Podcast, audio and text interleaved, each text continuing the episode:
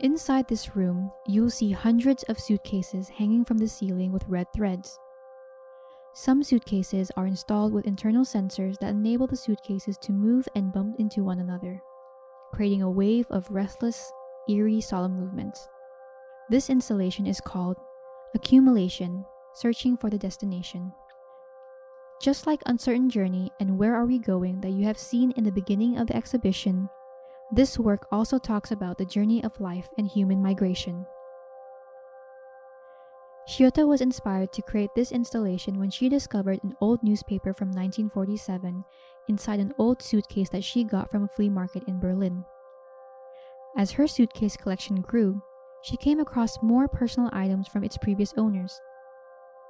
These discoveries made her think of the people who left their hometowns to move to another place like she did. Here is an excerpt of her reflections.